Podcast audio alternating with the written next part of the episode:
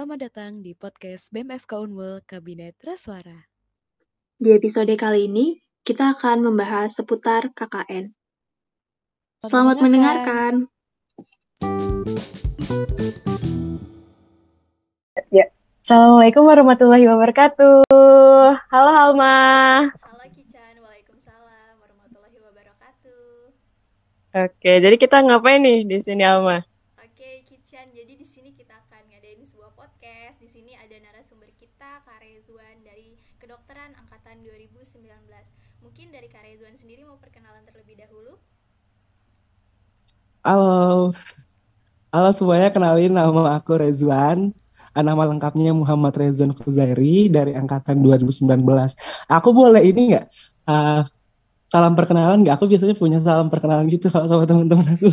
Boleh banget. Oh, boleh banget kak, boleh banget. Oke. Ah, sebelumnya mohon maaf ya, aku masih ah, agak batuk-batuk, jadi mungkin kalau terlalu semangat bakal ada batuk-batuknya sedikit. Gak apa-apa Kak. Oke, aku mulai ya. KMPK, KMPK, KMPK, Asterio Nomembana, Rezan, Kuzairi PK, da ama, da ama, da ama. Keren Kedengaran nggak sih tepuk tangan. Ini Kican sama lagi tepuk tangan nih. Lucu banget. Saya, saya nge-podcastnya cuma suara, kalau misalnya tadi ini ada gayanya padahal. Iya, gayanya lucu banget. Saya udah pernah lihat secara Oh iya. Oke, jadi Kak Rezwan di sini eh, boleh juga nyantumkan IG-nya Kak dan juga kemarin IG Oh. KKN-nya juga boleh. Oke, untuk Instagram aku agak aneh sih namanya, tapi nggak apa-apa aku sebut aja at RZWN Kuskus KUS KUS gitu aja. Ceritanya panjang sih kenapa bisa kayak gitu namanya. Mungkin kita bahas di lain waktu aja. itu nanti kita jadikan sebuah pembahasan sih Kak. Iya. Ya nanti bakal dikenang sama orang-orang. Jangan lupa follow ya guys. Eh, Kak Rezwan ya. Oke, di follow ya. Oke. Oh, foto profilnya kadang bikin orang kaget kalau misalnya di follow. Jadi kalian jangan kaget ya kalau misalnya foto profilnya agak menyeramkan soalnya freak manusianya. Astaga. Oke oke. Siap Kak, jangan lupa di follow guys. Oke, jadi untuk malam ini eh, bahasan kita akan berputar di sekitaran KKN nih Kak. Jadi KKN itu kepanjangan dari apa Kican? Dari kuliah kerja nyata. Bener kan kan? Bener kan kak? Iya benar benar. Kok kebelit Bener. tadi ya? Semua orang semua orang sebenarnya KKN ya. Apalagi abis kemarin booming boomingnya KKN desa penari kan. Iya bener Pasti Bener. Bapak semuanya udah tahu sih KKN itu kepanjangannya apa Tapi kalian pada tahu nggak apa sih itu KKN? Kalian tahu nggak? Kican tahu nggak? Enggak, enggak tahu. Kayaknya mau kepo nih. Dengerin. Rezwan bisa kasih tahu nggak apa sih itu KKN? Oke, Em, mungkin ini sepengetahuan aku aja ya KKN itu apa. Jadi KKN itu kan kepanjangannya adalah kuli- kuliah kerja nyata ya. Terus dari Tridharma Pendidikan perguruan tinggi itu kita tahu kita ada eh, penelitian dan lain-lain sama ada ada tiga pokoknya Tridharma kan. Iya. Penelitian satu aku lupa sama satu satunya lagi pengabdian. Nah, KKN ini adalah bentuk dari pengabdian mahasiswa kepada masyarakat. Jadi normalnya KKN itu eh, bakal terdiri dari gabungan mahasiswa-mahasiswa dari berbagai fakultas dalam satu uni- universitas. Misalnya ada eh, dalam satu kelompok itu ada mahasiswa dari fakultas keguruan, fakultas teknik, fakultas farmasi, ekonomi, itu dijadikan satu, terus mereka dikirim ke desa-desa untuk menjalankan program kerja.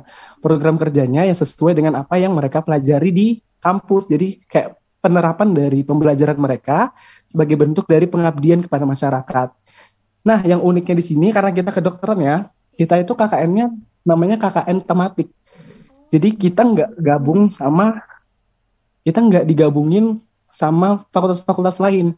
Kita punya uh, kita buat KKN sendiri. Jadi kita nggak gabung sama panitia KKN universitas. Kita punya panitia KKN sendiri. Kemarin ketuanya itu Dr. Swandari. Jadi isinya cuman fakultas-fakultas kedokteran aja. Jadi fakultas kedokteran umum, eh fakultas maksudnya prodi kedokteran sama prodi kedokteran gigi. Dua itu. Jadi gabungan antara. Heeh. sama juga sih kita juga dikirim ke desa-desa buat menjalankan pengabdiannya, pengaplikasian dari apa yang sudah kita pelajari. Karena kita tematik, jadi kita cuma fokus ke masalah-masalah kesehatan. Jadi biasanya eh, kelompok-kelompok KKN itu disuruh cari dulu apa sih yang menjadi masalah di setiap desa ini itu apa. Misalnya kemarin aku kan dapat desa Embalut. Kita survei di desa Embalut ini itu ada masalah apa aja sih?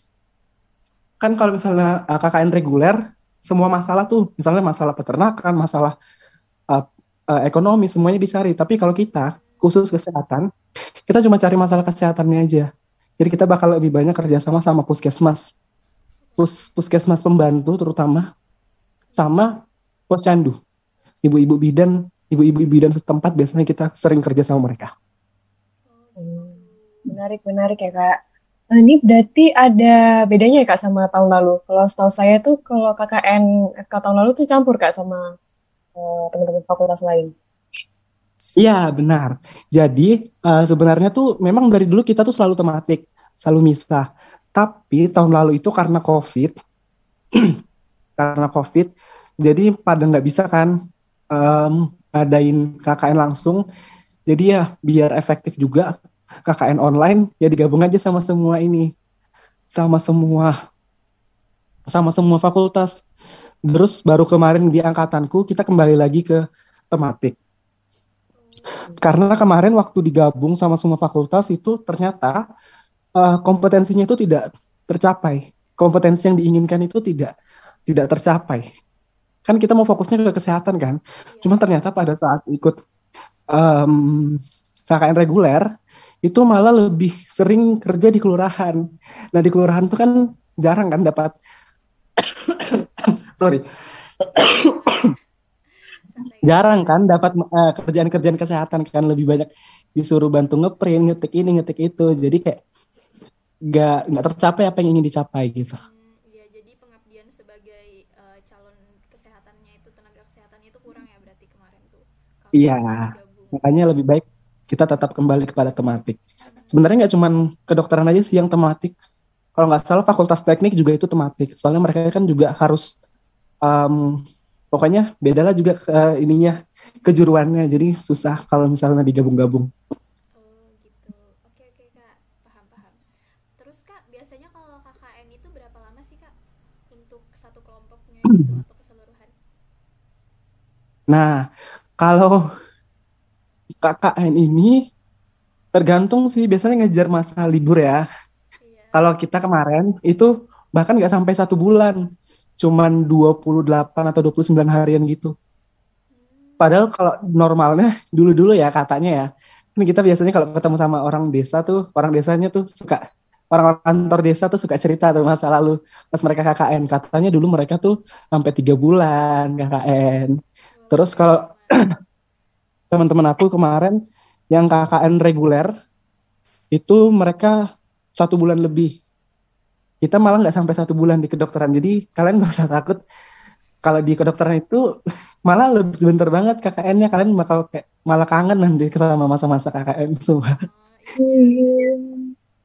Bentar ya, eh, saya kira tuh kayak sampai yang berbulan-bulan, sampai tiga, empat bulan, lima bulan. Soalnya kan kalau kakak yang di TV-TV tuh lama ya.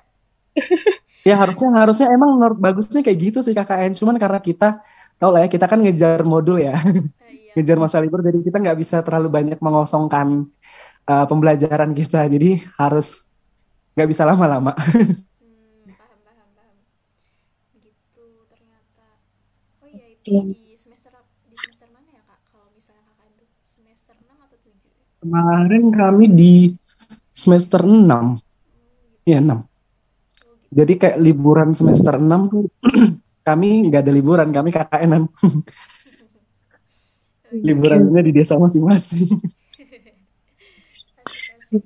Oke, oke, oke. Terus eh, untuk eh, sistem KKN-nya tadi kan eh, KKN tematik ya, Kak, tadi. Hmm. Eh, terus untuk pemba- eh, pembagian kelompoknya itu gimana, Kak? Itu maksudnya kita yang milih sendiri atau dari fakultasnya, ya, Kak? Ah, kalau pembagian kelompok itu ditentukan sama panitia KKN-nya dari fakultas kita sendiri. Cuman kemarin kalau aku lihat sih pembagian kelompoknya kayak mah asal sesuai urutan abjad gitu loh, nggak nggak bener-bener diacak. Cuman yang bener diacak itu adalah cowok-cowoknya, cowok-cowoknya dibagi rata. Jadi semua kelompok tuh dapat 2 sampai 3 cowok. Karena kan tiap kelompok harus ada cowok kan, biasanya cowok yang harus banyak bertanggung jawab sama teman-teman ceweknya. Nah, apalagi di desa. Iya. Terus kan banyak dibagi- juga yang namanya Muhammad ya kak. Kan nggak mungkin ya dijadiin. Nah, Nah, semuanya tetap diurutin sesuai abjad, dibagi-bagi gitu. Iya iya paham paham. Tapi digabung ya itu dari kedokteran umum sama kedokteran gigi digabung. Itu kalau kalau kami kemarin sih karena mungkin malas kali ya ngacak-ngacak ulang. Jadi ya kayak itulah. Sama ini ah, kemarin kami juga dapat cerita ini kemarin dipanggil terus ditanya siapa aja yang ini yang pacaran seangkatan. Aduh, aduh, aduh, aduh. karena ini apa harus dipisah. Mereka nggak boleh satu kelompok. Itu bener itu itu beneran kejadian. Kita ke- uh, cuttingnya atau beberapa orang itu dipanggil sama kaprodi buat ditanya siapa aja yang pacaran di angkatan kalian satu angkatan? Terus Wah. harus dipisah. Bener-bener ya kita tahu lah ya KKN kan kita tuh bakal tidur serumah ya. Paham, bakal tidur serumah. Waduh. Sebulan bahaya hampir nih. sebulanan ya uh, banyaklah tindakan-tindakan preventif yang dilakukan oleh panitia kampus karena memang cerita-cerita KKN pas kami di desa juga tuh kami diceritain tuh sama orang-orang desa katanya ya kejadian-kejadian kayak gitu memang sering terjadi gitu loh makanya hindari Ya reasonable sih kalau kalau menurut saya. Cuman agak gimana ya tiba-tiba ditanya memang. Iya. Oh, berarti ini buat pendengar hati-hati aja. iya Misalnya kalian kalian pendengar-pendengar jangan jangan pernah berharap kalian sekelompok sama pasangan kalian. Itu mustahil. Enggak mungkin. Dinding FK tipis kalian semua tahu itu. Kalian semua apa? Kalian semua sudah merasakan seberapa tipis dinding FK nggak akan bisa kalian backstreet Iya bener sih. Jadi buat kalian nanti kalau misalnya mau KKN, saya saranin dan kita semua saranin buat putus satu break ya. Hmm, putus satu menurut break. saya aja kali ya buat buat persiapan aja, kan sudah tahu. Iya. Ntar KKN di mana. Sih, bener. kayak ini skill skill skill skill mantap ya eh yang bakal kakak nanti angkatan 2020 ya semangat kalian angkatan 2020 Waduh, banyak tuh couple-nya 2020 hati-hati ah tuh. kalau aku dengar dengar juga sih banyak ya lumayan Iya, semangat KKN 2020. Semangat. oh kalian kalian belum ya Belum, belum. belum Kita masih banyak, masih panjang, masih bisa memikirkan. Aduh, hai. Oh iya, Kak Rezwan kemarin kalau saya lihat eh, dari Instagram KKN-nya KKN Embalut ya Kak kalau nggak salah. Instagram Hmm, benar. Tadi aku juga sudah sempat mention dikit ya tentang membalut. Iya, KKN Embalut. Terus tuh saya lihat dari persiapannya kemarin panjang banget ya belanja-belanjanya juga ada. Nah, jadi saya mau tanya nih Kak, apa aja sih yang harus dipersiapkan buat persiapan KKN itu sendiri gitu? Pas kita mau pre-KKN Hmm. gitu. Oke. Eh, jadi eh, untuk persiapan ya sebenarnya biasanya kita dapat pembekalan dulu dari kampus. Misalnya bagaimana kayak aku bilang tadi, kita bakal disuruh untuk belajar menganalisis masalah, terus eh, mencari akar masalahnya, kemudian menentukan perencanaan-perencanaan apa yang akan kita lakukan untuk mengatasi masalah, ya kan? Itu kita bakal dikasih pembekalan dulu di kampus, dikasih kayak kuliah gitulah, kuliah pembekalan KKN. Yang sebenarnya kalau misalnya kalian ikut organisasi, LKM MTD, LKM WIL, semuanya itu pelatihan-pelatihan keorganisasian, kalian tuh sudah bakal diajarin itu sebenarnya. Kayak fishbone, terus um, analisis-analisis masalah, semua itu kan sudah kalian pelajari duluan kalau misalnya kalian ikut pelatihan-pelatihan ke dasar-dasar kepemimpinan. Jadi ya tips untuk kalian sering-seringlah ikut LKMM ikutlah LKMM atau organisasi-organisasi lain. Aku sendiri kemarin dapat uh, materi-materi kayak gini tuh dari organisasi. Aku kan ikut organisasi PT BMKI ya. Boleh kan yang sebut merek sini ya? Iya, Kak? Ya PT BMKI karena kebetulan di PT BMKI itu sudah diajarin semua itu. Jadi waktu persiapan KKN kemarin, alhamdulillah lancar. Kita sudah punya dasarnya gitu loh. Jadi waktu melakukan perencanaan untuk mencari masalah, menentukan akar masalah, terus menentukan proker, sama menentukan indikator-indikator keberhasilan semuanya, alhamdulillah lancar. Itu untuk eh, yang berhubungan sama program kerja. Kalau misalnya uh, persiapan-persiapan lain terkait dengan kebutuhan hidup, nah ini yang harus kalian kalian diskusikan dengan kelompok. Jadi pertama kalian bakal dikasih tahu kalian itu di desa mana. Hmm, iya. Beberapa kalau kami kami kemarin udah tahu berapa hamin berapa gitu seminggu kayaknya.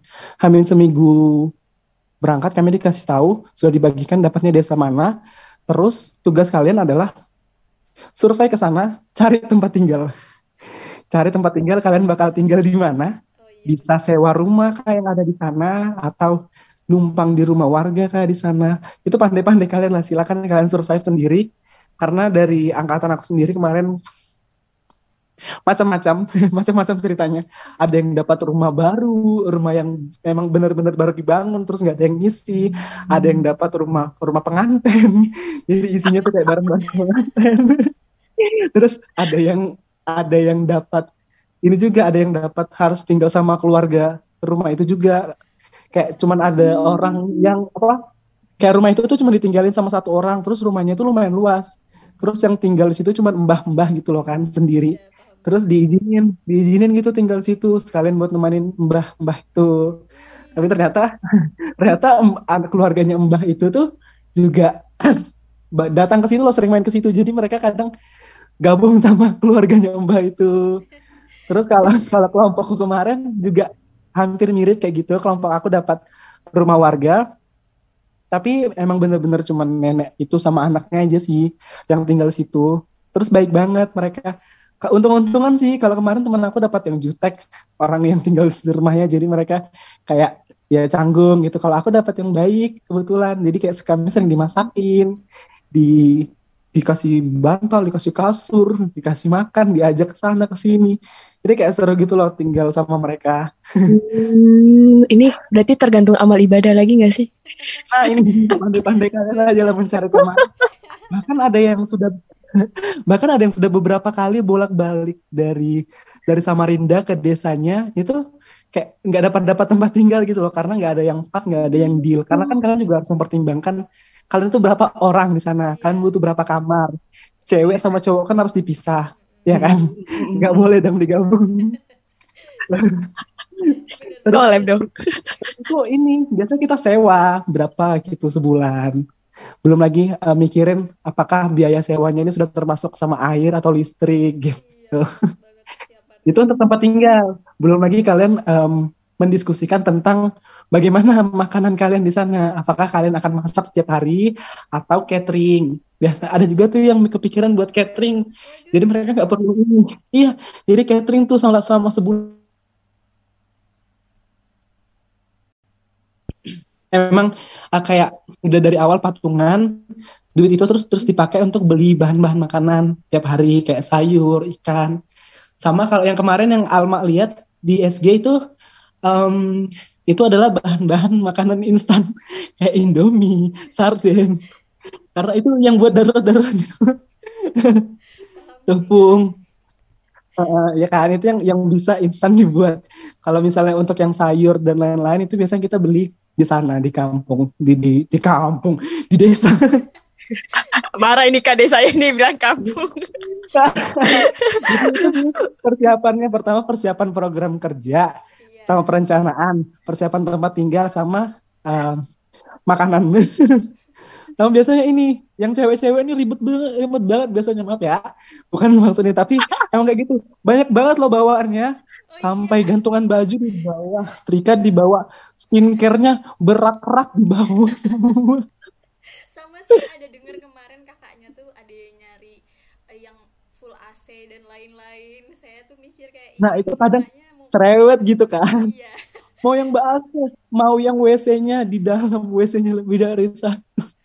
mau yang WC duduk nggak mau yang jongkok eh ada cerita lucu loh temanku pas cari rumah itu dapat WC WC terus klosetnya itu kloset duduk tapi dibuat dari kursi plastik.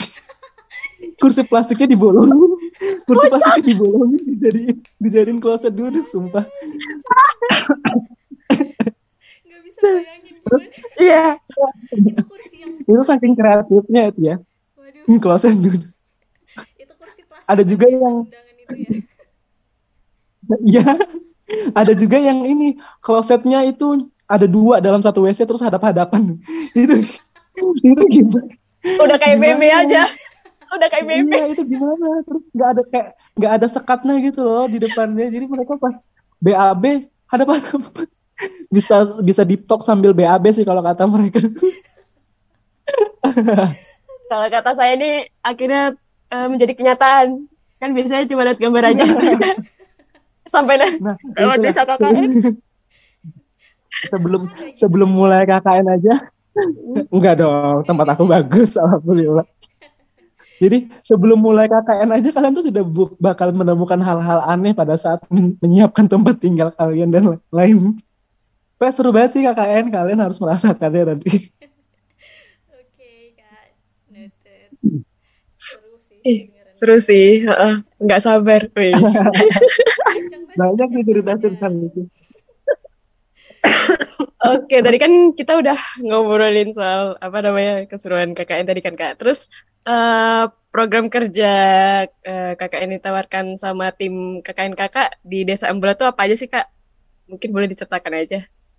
oh ya aku cerita khusus Embalut aja ya karena kan kebetulan desaku Embalut tapi mungkin aku bisa uh, sedikit nyinggung-nyinggung ke desa lain soalnya kan kita juga saling berbagi informasi ya iya Jadi em, waktu kita mencari masalah, mencari masalah bukan, maksudnya menganalisis, melakukan analisis, mengidentifikasi masalah-masalah kesehatan yang ada di masing-masing desa. Untuk desa Embalut kita itu ternyata punya angka kejadian eh, pernikahan usia dini yang tinggi. Nah, jadi kayak banyak yang nikah dini. Kita bahkan kemarin ketemu eh, ibu-ibu hamil itu masih usia eh, 19 tahun, 17 tahun, 20 tahun, itu sudah pada hamil gede semua. Itu masalah yang ada di Embalut.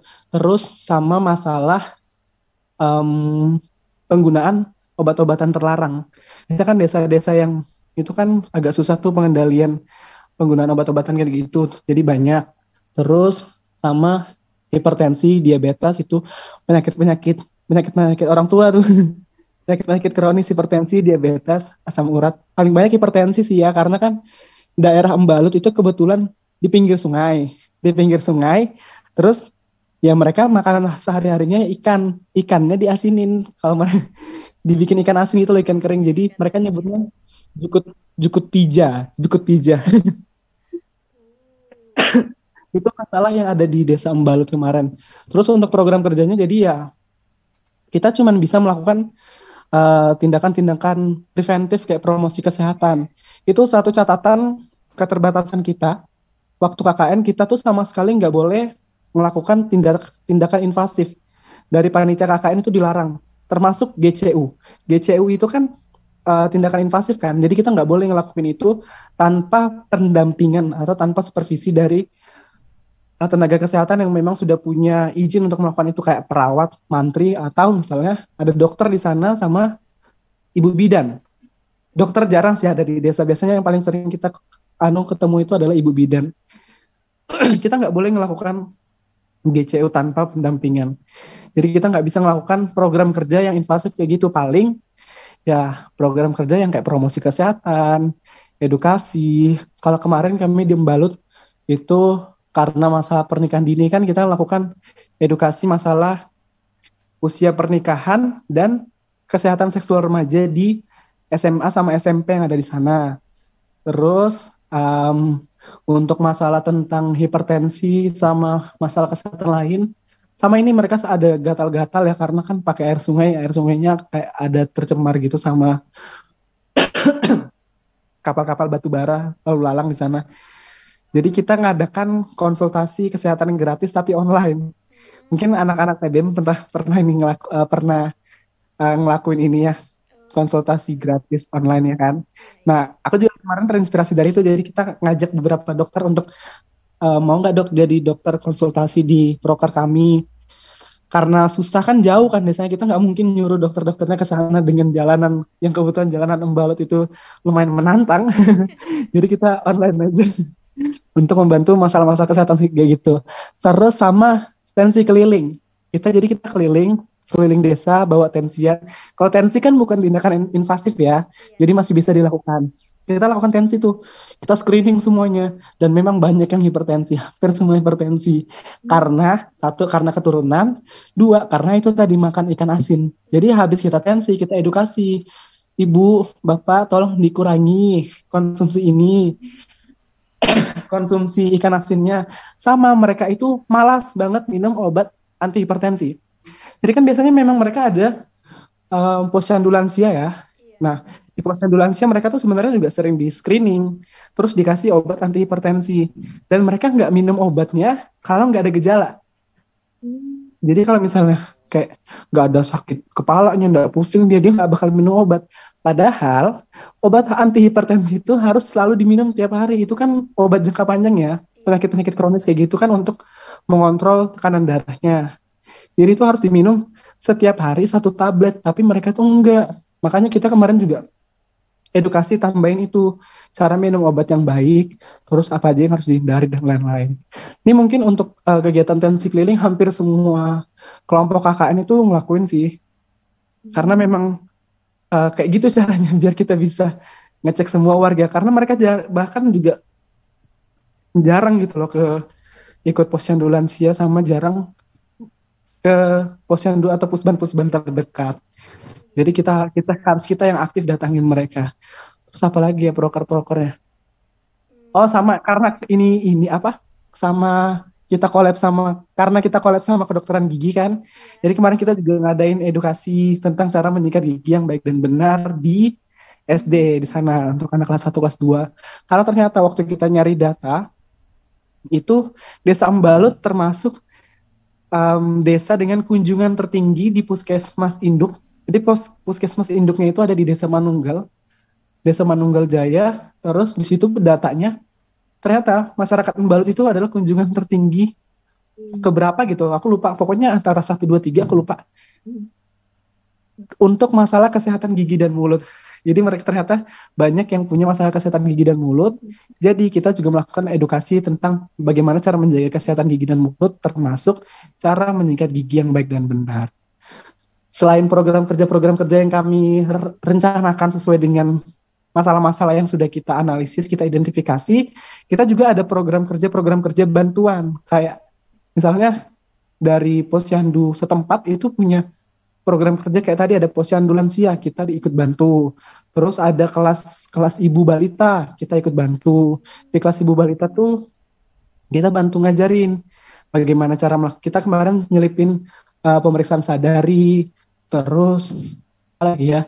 Banyak pokoknya kita setiap kali ada kegiatan gitu dari posyandu kita dipanggil suruh ikut. Terus belum lagi kemarin kita kan uh, kebetulan ya KKN kami itu kayak satu desa ada tiga kelompok KKN dari Unmul kita yang KKN tematik. Terus ada dari UINSI. UINSI terus ada dari Widya Gama. Jadi ada tiga. Walaupun mereka masuknya telat ya. Maksudnya kita masuk duluan terus habis itu Winsi masuk terus Widya Gama terakhir pas kami sudah mau pulang gitu baru Widya Gama masuk. Jadi kita ada beberapa program kerja yang ikut collab, yang kita collab gitu loh. Jadi anak Winsi ngadain program kerja misalnya tentang edukasi stunting. Edukasi stunting tapi yang ngisi materinya itu adalah kita dari KKN FK Unmul. Jadi kayak kerjasama gitu.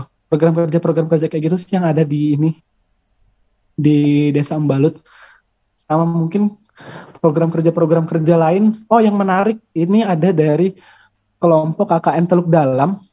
Itu mereka ngadain permainan ular tangga raksasa ke anak SD terus di ular tangganya itu mereka sambil ngajarin tentang bagaimana cara menjaga aku lupa tentang edukasi apa kalau nggak salah tentang jaga kebersihan deh jaga kebersihan diri jadi kayak tiap kotak tiap kotak ular tangganya itu bakal ada kuis atau ada pertanyaan atau ada edukasi gitu untuk anak-anaknya. Jadi mereka sambil main pas mereka mijak kotak itu mereka harus jawab pertanyaan itu gitu.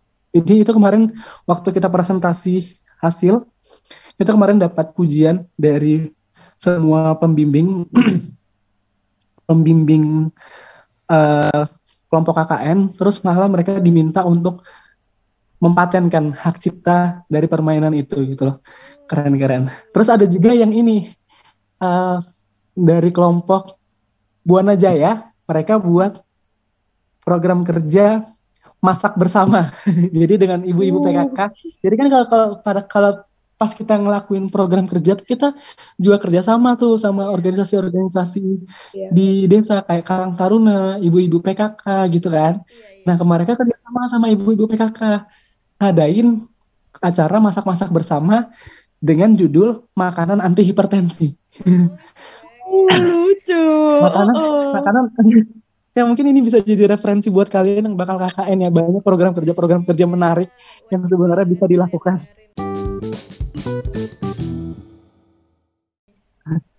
Ini seru nih mereka.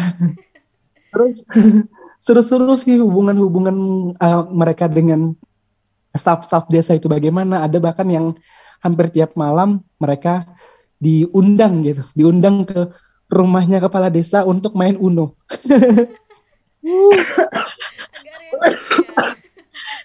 nah, untuk main Uno karena kebetulan kepala desanya belum terlalu tua ya, jadi masih bisa bergaul. Justru kepala desanya tuh ini minta ajarin gitu gimana sih cara main Uno gitu. Dan serunya lagi mereka tiap kali ke sana ya biasa lah ya kepala desa selalu memberikan makanan gratis. Eh, itu dia kak. Bahkan ada ada yang diajak diajak ini main reok. Waduh, waduh. diajak ikut latihan reok. Iya karena kebetulan kepala desanya itu adalah di rumah kepala desanya itu adalah sanggar reok. Jadi jaranan gitu kan. Jadi pas mereka datang kebetulan lagi latihan tuh anak-anaknya. Mereka disuruh ikut disuruh ikut latihan tuh. itu seru banget sih. KKN bisa jadi buka sanggar sendiri. Waduh, waduh, waduh, waduh. Iya. Sama ini kalau KKN ternyata ya kalau misalnya walaupun di Tenggarong itu biasanya mayoritas isinya tuh bahkan ada yang orang Jawa gitu, nggak semua orang Kutai. Ada yang orang Jawa semua, ada yang campuran. Dan kalau misalnya kayak embalut sendiri itu uh, isinya orang Kutai semua ya. Jadi bahasa Kutai itu mereka bahasa Kutai. Jadi kita enggak paham. Di kelompok kami cuma ada satu orang yang lancar bahasa Kutai. Jadi dialah yang mentranslate kalau misalnya warga ngomong. Tapi kita selama ada di sana ya belajar bahasa sedikit-sedikit bahasa-bahasa kutai kayak tadi jukut tija, jukut artinya ikan. Kayak awa gitu, awa-awa, ikam. Eh bukan ikam tuh, awa ya. Iya. Endi dan ikam di banjir. Endi, endi, maha, endi, endi, mahanya gitu. Makanya lucu lah kalau misalnya dengerin orang mereka mereka tuh bahasa bahasa kutai terus kita coba, coba nebak-nebak artinya tuh apa. itu sih yang seru sebenarnya. kita harus belajar. Tapi untungnya mereka juga masih bisa gitu loh bahasa Indonesia walaupun kadang masih tercampur-campur sama bahasa Kutai tapi kita masih bisa nebak arah bicaranya itu ke mana. masih bisa dinalar lah. iya. Banget. Gak sabar sih kalau dengar ceritanya. Iya kan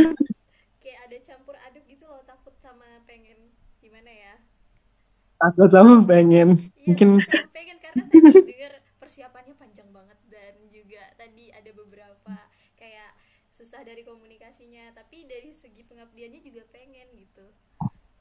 Iya, setuju, setuju, setuju. seru banget. Apalagi kalian kayak terjun langsung sama masyarakat gitu ngomong sama masyarakat. Iya. kalau misalnya itu pengalaman yang kalian dapatkan sih bener-bener. Kalau misalnya bagaimana berkomunikasi langsung dengan masyarakat. Karena ternyata nggak semua masyarakat itu mengerti tentang tadi kayak bagaimana cara minum obat anti hipertensi yang baik, apa yang harus mereka lakukan. Walaupun sebenarnya dapat juga edukasi dari posyandu, tapi ternyata itu tuh nggak cukup. Mereka tetap butuh lebih, butuh perhatian lebih gitu. Kalau sama kalian inilah sering mumpung kalian masih angkatan 21 ya kalian berdua ya. Eh, betul, benar. Kalian sering-sering lah ikut kegiatan-kegiatan baksos ya.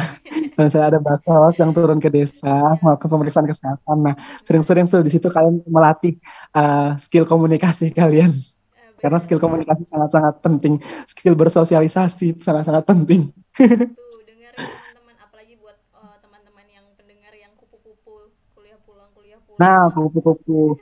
Organisasi itu tidak ada ruginya. Kayak aku bilang tadi, aku bahkan dapat dapat ilmu-ilmu atau pengetahuan-pengetahuan tentang bagaimana manajemen program kerja, analisis masalah semua itu dari organisasi. Nah, itu dengerin ya teman-teman buat persiapan kalian juga loh. Oke, terus Kak Rezwan di Jangan itu- malas organisasi ya. Iya benar. Organisasi tuh ya gitu ya buat pengalaman kita juga. Gak cuman gak cuman capek rapat capek rapat aja kok teman-teman. Gimana ya? KKN juga capek sih sebenarnya Iya, kalian jadi sekalian melatih fisik. Fisik kalian KKN dilatih juga. Bener. Kadang tiba-tiba diajak rapat sama Karang Taruna malam-malam. Waduh. Iya mereka di sana seringnya rapatnya tuh malam-malam gitu. Jadi ya kalau kalian sering rapat malam kuat-kuat lah kalian sama mereka. jam berapaan itu Kak rapatnya? Jam jam 9 Wah, itu belum dan itu lumayan lama. Iya. Kan mereka orang-orang situ aja ya. Jadi kayak gak masalah gitu loh semalam-malamnya. Iya sih, bener. Jadi nggak masalah, nggak jauh-jauh juga rumahnya pasti kan. Hmm. Oke, kalau Kak Rezwan dari eh, dari di desa Embalut kemarin ada cerita yang memorable gitu nggak sih Kak? Kan kalau misalnya kita pernah dengar kayak KKN di desa penari ada cerita horornya. Nah itu ada cerita yang memorable gitu nggak Kak? Kalau misalnya eh, nggak ada yang horor, bisa juga yang lucu-lucu banget atau yang apa eh, nggak sengaja apa gimana gitu? Ah, kalau masalah sebenarnya yang memorable tuh biasanya adalah konflik-konflik internal kelompok ya. Mungkin ini, mungkin ini ini tidak bisa dibahas lebih, ini tidak bisa dibahas terlalu dalam ya karena kan ini privasi kelompok masing-masing. Jadi tiap masing-masing kelompok itu pasti punya masalah internalnya masing-masing. Karena yang pasti lah ya selama kalian tinggal serumah sama orang-orang ini, pasti kalian bakal mengenal bagaimana uh, semua sisi orangnya tersebut ya kan. Kayak jeleknya kelihatan, bagusnya juga kelihatan. Jadi kayak kalau nggak cocok biasanya ada tuh beselek tuh. ada konflik perkelahian. Nah, itulah yang paling memorable biasanya. Semakin semakin banyak konflik biasanya semakin antara dua, semakin erat, semakin mengenal atau malah semakin merenggang. Makin yang memanas bahaya. kondisi di sini. Ya, itu biasanya yang memorable sama uh, ini sih uh, aktivitas-aktivitas kita sama oh, kebetulan kalau aku kan tinggal sama di rumah itu kan ada ininya ya, ada penghuninya, ada neneknya. Kalau kalau kita nyebutnya nenek Hmm. karena sudah lumayan ya cuma lansia sih, lumayan tua kita nyebutnya nenek. Nah neneknya itu baik banget, jadi kayak eh, enak aja gitu loh tinggal sama neneknya. Kemarin pas kita mau pulang aja perpisahan sampai nangis-nangis mereka, jadi kayak udah jadi Ingat saya mereka peluk-pelukan gitu. Jadi ya sedih lah ditinggal karena kan biasanya neneknya sendiri kan. Pas kita datang tuh jadi lumayan rame, ada temennya gitu. Sama momen-momen pas kita kerja sama teman-teman kelompok lain, eh, kelompok dari KKN lain. Nah kemarin kita banyaknya kerja sama sama Winsi. Bahkan em, berenang di sungai bareng. Kan Ambalat dekat sungai kan. Iya. Ya aku aku sama salah satu anak Wins itu kayak mereka semua tuh nggak ada yang mau terjun terjun ke sungai. Aku aku dengan gilanya aku dari awal datang ke Mbal tuh pengen cebur ke sana, tapi teman-teman aku nggak ada yang mau. Ketemu aku sama anak ketemu sama sama anak Winsi satu orang yang mau katanya, "Ayo Wan lompat." Dia lompat, aku lompat, lompat juga dia. Kita lompat Akhirnya sefrekuensi. akhirnya ketemu sama yang sefrekuensi. Terus ada bapak-bapak lewat tuh bapak-bapak lewat naik perahu kan. Mau pulang dekat aja kita panggilin pak mau ikut mau naik perahu. Dikasih ikut ternyata di bawah aja kita keliling-keliling sebentar. Aduh banget semua. Eh, tapi asik sih. Beberapa banget sih. sebenarnya Iya, tapi itu yang asik sih sebenarnya. Itu sih. belum lagi capek-capeknya panas-panasnya tiba-tiba dapat dapat kerjaan tambahan dari kantor desa, disuruh survei keliling. disuruh bantu survei keliling sama Pak RT itu panas banget harus keliling semua rumah buat survei dan surveinya tuh banyak. Iya. Waktu itu berapa, berapa ini? Apa berapa rumah Kak di Desa Embelut? Kalau di Embalut itu untungnya di Embalut itu nggak terlalu banyak ya. Cuman 8 RT aja, dua dusun. Jadi eh, termasuk kecil Embalut. Kalau kalau eh, desa-desa sebelah tuh ada yang sampai 20 RT, 30 RT itu aku nggak tahu gimana mereka eh, me- menjangkau semuanya. Kita Embalut aja sebenarnya sudah keteteran. Jadi rumahnya nggak terlalu banyak, paling banyak satu RT tuh 100 seratusan aja. Satu RT ada yang malah satu RT cuma 80-an. Jadi kayak kalau misalnya di total dari 8 RT ya, wih banyak sih. 700 rumah. Iya Kak, banyak sih Kak. Koler sih. Eh, itu kakak sih. Kakak itu kartu keluarga kan belum tentu juga ya. Misalnya satu rumah biasanya ada yang dua kakak, tiga kakak gitu kan. Jadi mungkin iya. ya 500 lah. 500 rumah. Banyak sih. Banyak sih ya. Nggak tahu ya bisa habis sehari atau enggak. Itu sudah. Oke, tadi kan Kak Reza tadi bahas memorable selama di Desa Embalut. Nah, udah bahas yang memorable nih, hambatan dan rintangan nih selama kakak KKN bersama tim kakak tuh bisa ceritakan Kak? Oke, ini nih lumayan ya. Hambatan rintangan tadi pertama satu itu yang aku bilang ada aja konflik-konflik internal yang bikin suasana KKN itu memanas. Hmm. Sama hambatan lainnya itu kadang gitu tuh malas banget berproker. terutama terutama proker-proker yang jangka panjang misalnya kayak tensi keliling. Tensi keliling itu kan kita kayak harus keliling tiap hari kan. Kadang kita tuh saking malasnya kita pasti cari-cari alasan.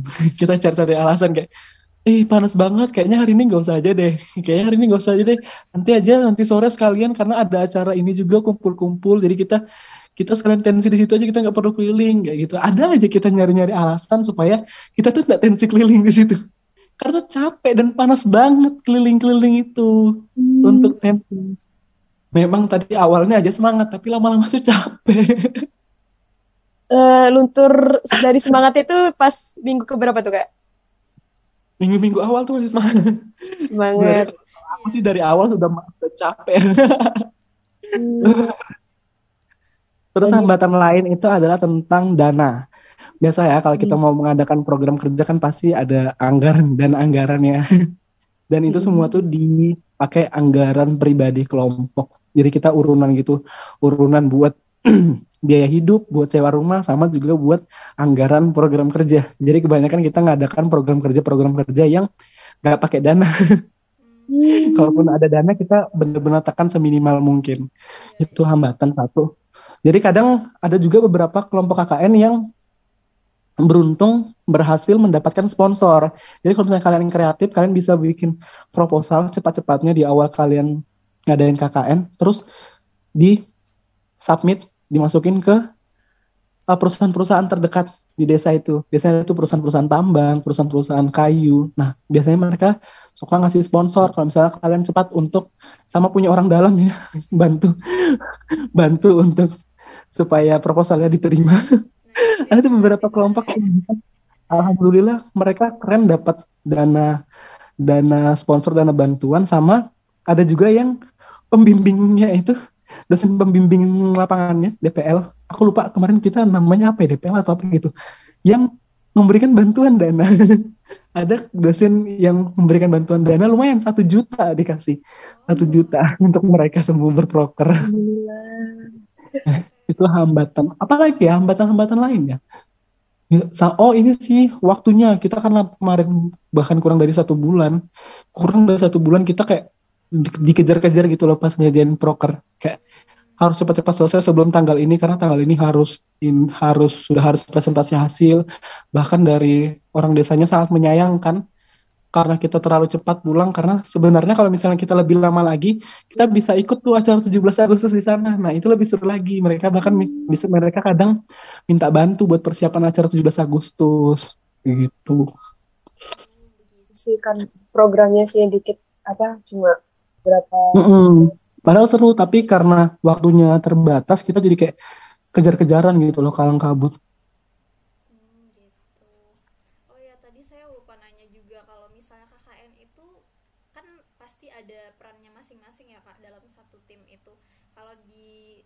ngeditin KKN kakak tuh apa aja sih kak kalau misalnya di satu timnya Ham, uh, untuk peran masing-masing ya hampir mirip sebenarnya sama struktur organisasi ya.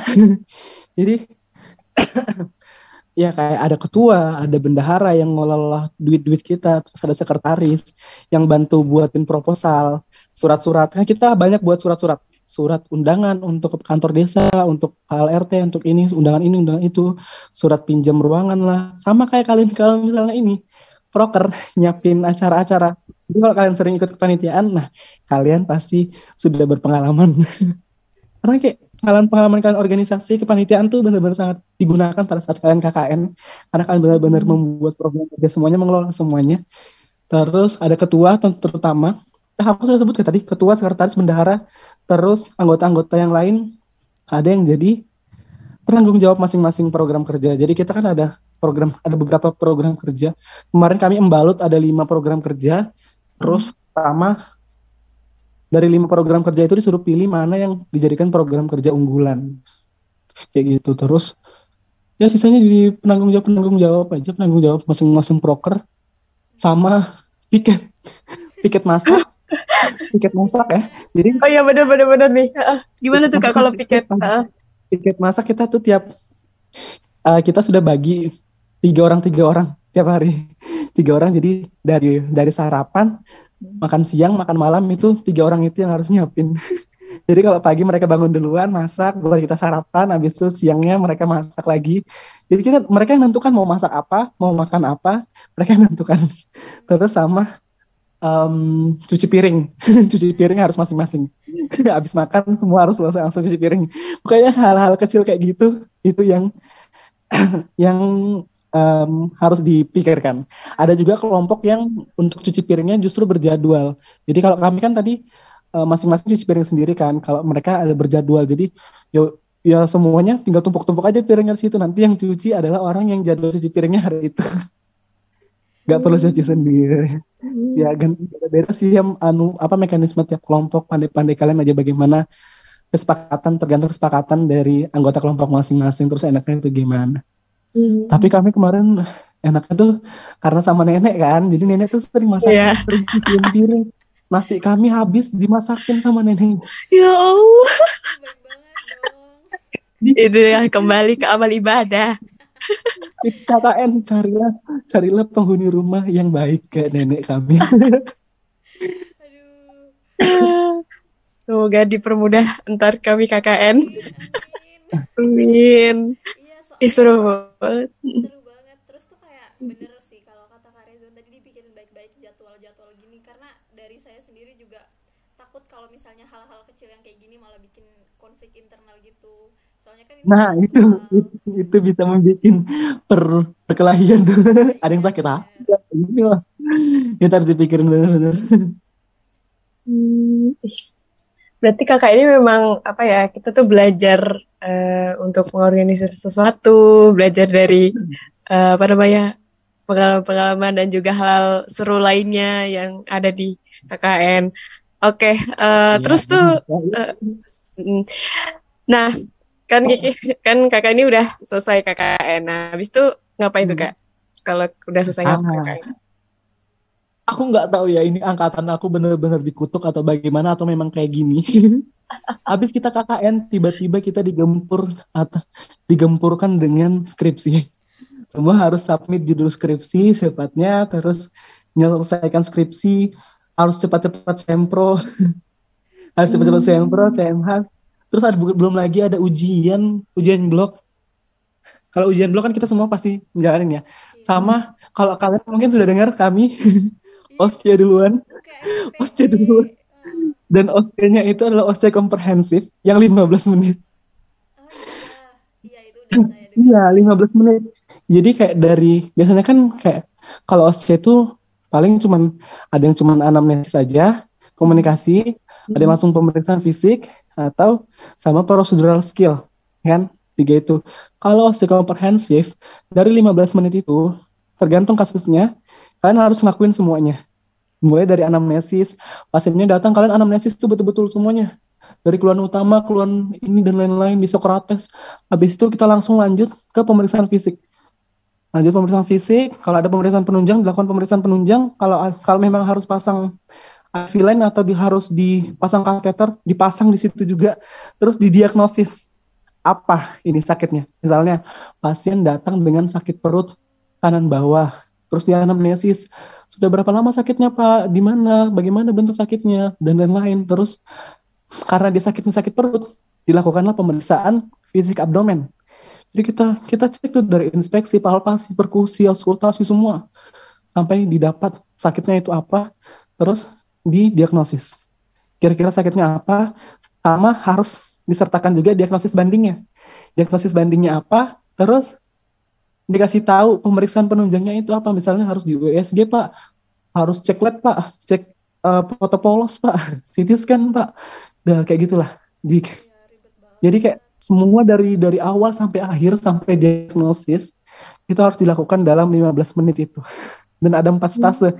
Jadi sejam kami OSCE Aduh, takut ya jadinya. Ya, itu sudah. Iya kayak di benar-benar digempur ya kami ya habis skripsi ujian OSCE kayak gitu. Wah, Untung kakaknya nggak tahu ya angkatan angkatan angkatan angkatan selanjutnya nanti bakal dikasih kayak gini juga atau enggak Tapi- sih, ya banget ya. Makasih. Oke, terus eh, saya juga pernah dengar nih kak ada kayak mitos atau fakta ya nggak tahu juga sih kayak kalau misalnya kita lagi KKN itu bakalan nemu jodoh. Padahal kan tadi yang pacar itu kan dipisah ya harusnya. Tapi kok ada bisa muncul mitos seperti itu gitu? Kalau itu sih tergantung ya. Untung-untungan lagi kembali ke takdir Oh masing-masing. iya. Tapi memang ada beberapa temenku yang cinlok. Wih. ada. Memang ada yang cinlok. Cinlok di KKN. ada juga yang enggak sih, tapi ada juga yang iya. Jadi masih kemungkinan terjadinya tuh masih belum bisa dikatakan pasti terjadi atau kemungkinan terjadinya tuh bahkan belum sampai lebih dari 50%. Jadi masih sedikit di bawah mungkin 40 sampai 30 sampai 40 persen lah kemungkinan terjadi ya. Kita anu kan probabilitas tafsir-tafsir kan. ya, guys. Iya, iya ada guys. kemungkinan terjadi cinlok. Bisa dijadiin topik penelitian nih. Oh iya. bagus bagus. Oh ya kalian sudah belajar ya angkatan 2021 sudah belajar ini ya Nah, blok penelitian ya. udah Kalau dari saya, jadi ya siap-siap lah ya buat skripsi ke depan. Bismillah. Iya. Saya skripsi itu skripsi itu yang susah-susah yang penting lulus. Yang penting selesai nggak sih kak? Yang penting selesai. Iya bener yang penting selesai yang penting lulus gitu. Gak usah yang dosa yang susah-susah. Tapi kadang sayang sih kayak masa penelitianku cuma kayak gini. Biasanya ada tuh perasaan-perasaan kayak gitu kayak kebermanfaatan kebermanfaatan penelitian itu kurang. Jadi kayak ah harus yang susah, harus yang bagus, harus yang ada manfaatnya, manfaat klinis, manfaat akademik semuanya bermanfaat. Waduh, pusing-pusing. Hmm. Berarti eh, masih bisa ada kemungkinan ya kak? Tadi kembali lagi jodoh. Iya. Kitchen Tapi ya, ada kemungkinannya. ya. Ada ketawa nih. Orang mendengar. Enggak nih, canda, canda, canda. Oke. Ini kita bahas eh balik lagi ke KKN-nya. Ada tips and trick gak, Kak? tips and trick gitu kalau eh, buat kita-kita nih mau menjalankan KKN. Oke, tips and trick ya. Pertama tadi eh, ikut organisasi buat kalian Oh iya, belajar. udah disebutin. Ah, bener-bener. Nah, ikut organisasi belajar bagaimana cara eh, manajemen masalah, menentukan Hmm. akar masalah, perencanaan, pemecahan masalah itu semua ada di organisasi. Terus dua skill komunikasi, skill sosialisasi kalian juga di- ditingkatkan karena benar-benar banyak kalian harus em, membangun komunikasi yang baik dengan orang-orang yang bakal kalian ajak kerjasama di desa KKN, terutama orang-orang kantor desa, organisasi-organisasi internal desa, Karang Taruna, ibu-ibu PKK, terus em, so, komunikasi lansia. Kalian pernah dengar komunikasi lansia nggak? Nanti ada tuh trapnetnya komunikasi lansia. Karena banyak yang banyak yang lansia, kalian harus tahu bagaimana cara berkomunikasi dengan lansia dengan baik dan benar, terutama Hmm. kayak eh, intonasi suaranya, bagaimana. Kan biasanya ada yang budak-budak tuh, ada juga yang susah dijelasin, kadang harus pakai alat bantu, alat peraga, itu kalian harus bener-bener dalamin. terus sama ilmu-ilmu dasar, terutama penyakit-penyakit penyakit-penyakit kronis yang memang banyak di Indonesia kayak Iya. hipertensi, diabetes itu tuh banyak banget semua hampir semua warganya tuh hipertensi, diabetes. Itu harus kalian pelajari semuanya perdalam jadi kalian bisa mengedukasi mereka dengan baik, kalian bisa tahu apa yang harus mereka lakukan. Kan tugas kalian hanya edukasi ya, cuman promosi kalian nggak bisa melakukan intervensi intervensi lain. Mungkin kalian bisa bantu menyarankan untuk untuk ya lakukan pemeriksaan rutin ke puskesmas atau apa-apa. Yang lain kalian belum boleh ngasih obat, kalian belum boleh melakukan uh, nas- uh, hal-hal lain yang dilakukan oleh dokter karena notabene kalian adalah masih mahasiswa. Jadi Iya. masih terbatas apa yang bisa kalian lakukan. Sama banyak-banyak belajar tentang uh, program kerja-program kerja lain yang menarik terutama dalam bagaimana cara mengedukasi masyarakat. Karena biasanya pandangan orang-orang itu pasti kalau edukasi ya paling seminar gitu. Paling seminar kayak ngadain langsung disuruh kumpul warganya kayak ya kayak seminar-seminar biasa. Apa sih namanya seminar? Oh, sosialisasi ya, sosialisasi gitu. Uh, itu kan kayak biasa banget kan, Iya. biasa banget kan itu, dan itu kadang nggak cukup, belum tentu mereka dengerin. Kalian harus banyak-banyak mencari tahu inovasi-inovasi program kerja lain yang bisa mengedukasi masyarakat tanpa tanpa sosialisasi, jadi nggak membosankan. Hmm, Nah, karena kemarin kemarin itu itu bagus banget yang main game satu main game ular tangga gede itu itu salah satu referensi kalau kalian mau coba sama yang masak-masak bersama makanan anti hipertensi. Iya tuh. Nah, terus lucu yang konsultasi online gratis itu juga bagus. Yang punya embalut Hmm. itu kadang mereka butuh butuh banget itu. Terus kemarin sebenarnya ya di kelompok aku tuh ada satu program kerja yang sangat-sangat bagus, tapi tidak tidak visible. Oh, tidak visible, tidak tidak mungkin untuk dilakukan karena waktunya terbatas dan dana. Sebenarnya kalau waktunya lebih lama lagi kita bisa sih coba ngumpulin dana untuk program kerja ini. Jadi kemarin aku mengusulkan untuk ayo kita buat pertunjukan sosiodrama. sosiodrama yang lucu. iya kan kan edukasi kan edukasi kan jadi kita buat pertunjukan sosiodrama Iya. kita main drama main teater di panggung karena kebetulan di Embalut itu ada panggung gede buat Hmm. acara-acara gitu jadi bisa digunakan Ayo kita buat acara teater pertunjukan tentang edukasi seksual karena kan masalahnya ada kesehatan dini kan Iya, pernikahan iya. dini kita buat Kita bikin cerita kita ajak anak-anak SMA buat main teater sama-sama kita terus kalau misalnya mereka ada mau nampilin kayak tari-tarian lain ayo kita kita kayak ngadain pensi gitu loh di desa jadi Hmm. mereka nonton pertunjukan kita selipin edukasi kita di situ terus ya jadi edukasi tapi nggak dalam bentuk sosialisasi lebih seru dan lebih kreatif terus lebih apa pokoknya banyak lah yang bisa kita lakukan sebenarnya kalau mau mengedukasi. Cuman kemarin sayangnya karena waktunya terbatas terus biaya yang dibutuhkan itu mahal. Waktunya itu terutama dalam latihan persiapan ininya ya para pemeran-pemerannya. Maksudnya bisa aja sih sebenarnya. Aku tuh mau bisa aja. Cuman nggak bisa kita nggak bisa terlalu fokus kayak kalau misalnya mau ngejalanin itu ya kita nggak jadinya pekerjaan-pekerjaan lain tuh terbengkalai gitu. Jadi berdasarkan hasil kesepakatan kelompok program kerja itu kita tiadakan. Padahal itu seru banget mungkin kalian dari BEM, TBM, DPM, Asifa, ah, Hima KU, Hima KG, Hima Keperawatan yang mendengarkan podcast ini mungkin kalian bisa coba tuh buat sosiodrama untuk mengedukasi masyarakat kayak gini nih seru banget. Karena kalian kan bisa uh, lebih ditunjang dengan uh, dana sama sumber daya manusia kan lebih sumber daya manusia kalian lebih banyak daripada kami yang KKN cuma 10 orang.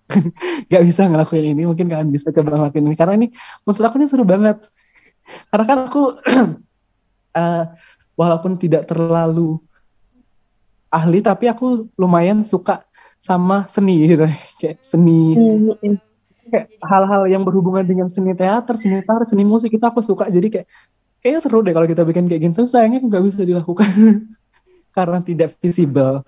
Itu tadi dalam perencanaan program kerja banyak yang harus kita pertimbangkan. Apakah mungkin dilakukan? Apakah sarana prasarana tersedia? Apakah dananya ada? Apakah sumber dayanya ada? Ini yang harus kalian pertimbangkan. Ini yang harus kalian pelajari bagaimana uh, melakukan perencanaannya. Oke, oke. Makasih banyak, Kak. Wah. Ke mana-mana ya pembahasanku dari desain. Tapi maaf, maaf, maaf. Iya, buat ke depannya, buat para pendengar. Kesian para pendengar.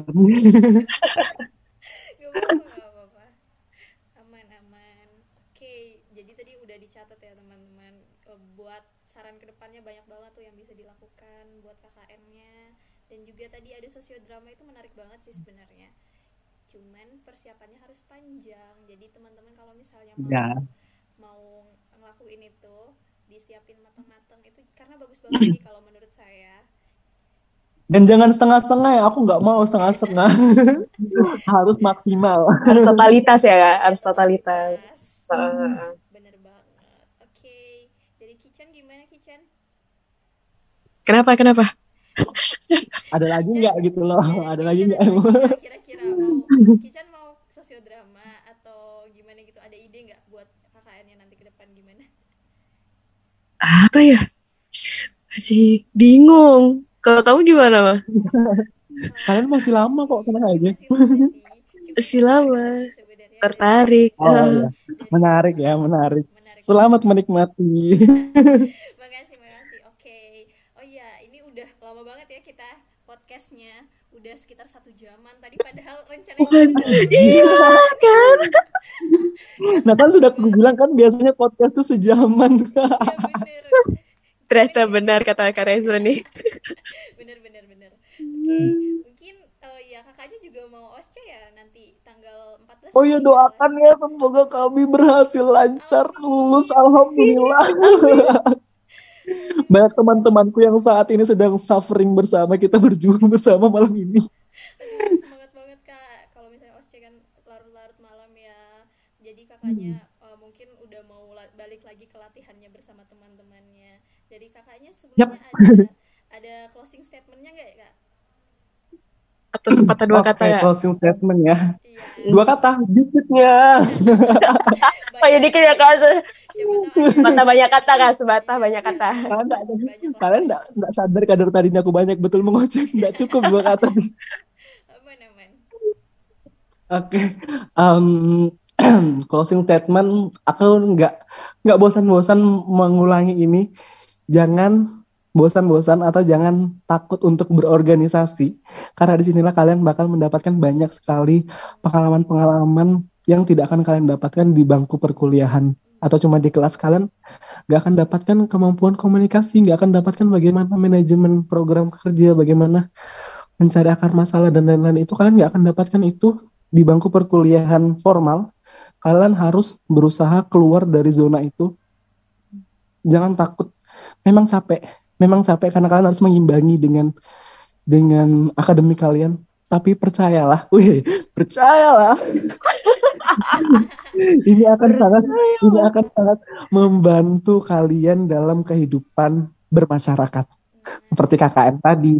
Belum lagi nanti kalau misalnya kalian benar-benar masuk kehidupan eh, ke kehidupan bekerja, kalian banyak berinteraksi dengan kolega-kolega kalian, dengan teman-teman sejawat di rumah sakit, di puskesmas, terus mediko medik mediko legal, ya kayak di bidang hukum, tentang forensik gitu di kepolisian, di hukum itu kan banyak tuh sebenarnya yang semuanya berhubungan dengan kedokteran. Jadi nggak cuma sebatas kesehatan, kalian bahkan harus berhubungan dengan hukum untuk masalah-masalah forensik, terus sosialisasi. masa- Eh, banyaknya aku ngomong sudah lah ya. Itulah pokoknya. Jangan takut organisasi. Berarti udah. Bener aja tadi sebatah banyak kata. Iya sepatah. Kedua kata lagi. Apa-apa, gak kan? Gak apa Kak, lanjut Kak, lanjut Kak, lanjut Kak. Sudah, sudah. Intinya Oh, sudah, itu. sudah. Takut Oh, lanjut ini. intinya itu. Oke, oke, oke. kalau dari saya sih udah ya, udah banyak banget juga yang disampaikan sama Kak Rezwan dan sangat bermanfaat tentunya. Semoga dari teman-teman yang dengerin podcast ini juga ngambil yang positif-positifnya lah intinya. Iya.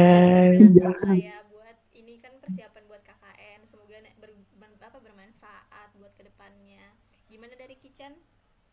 Iya, tadi kan Kak Rezan juga singgung, jangan lupa ikut organisasi. Ini sekalian promosi ya Ya. ke, eh, sekalian promosi buat adik-adik Mabay mungkin yang mendengarkan. Jangan lupa Iya, masuk BMFK Unmul.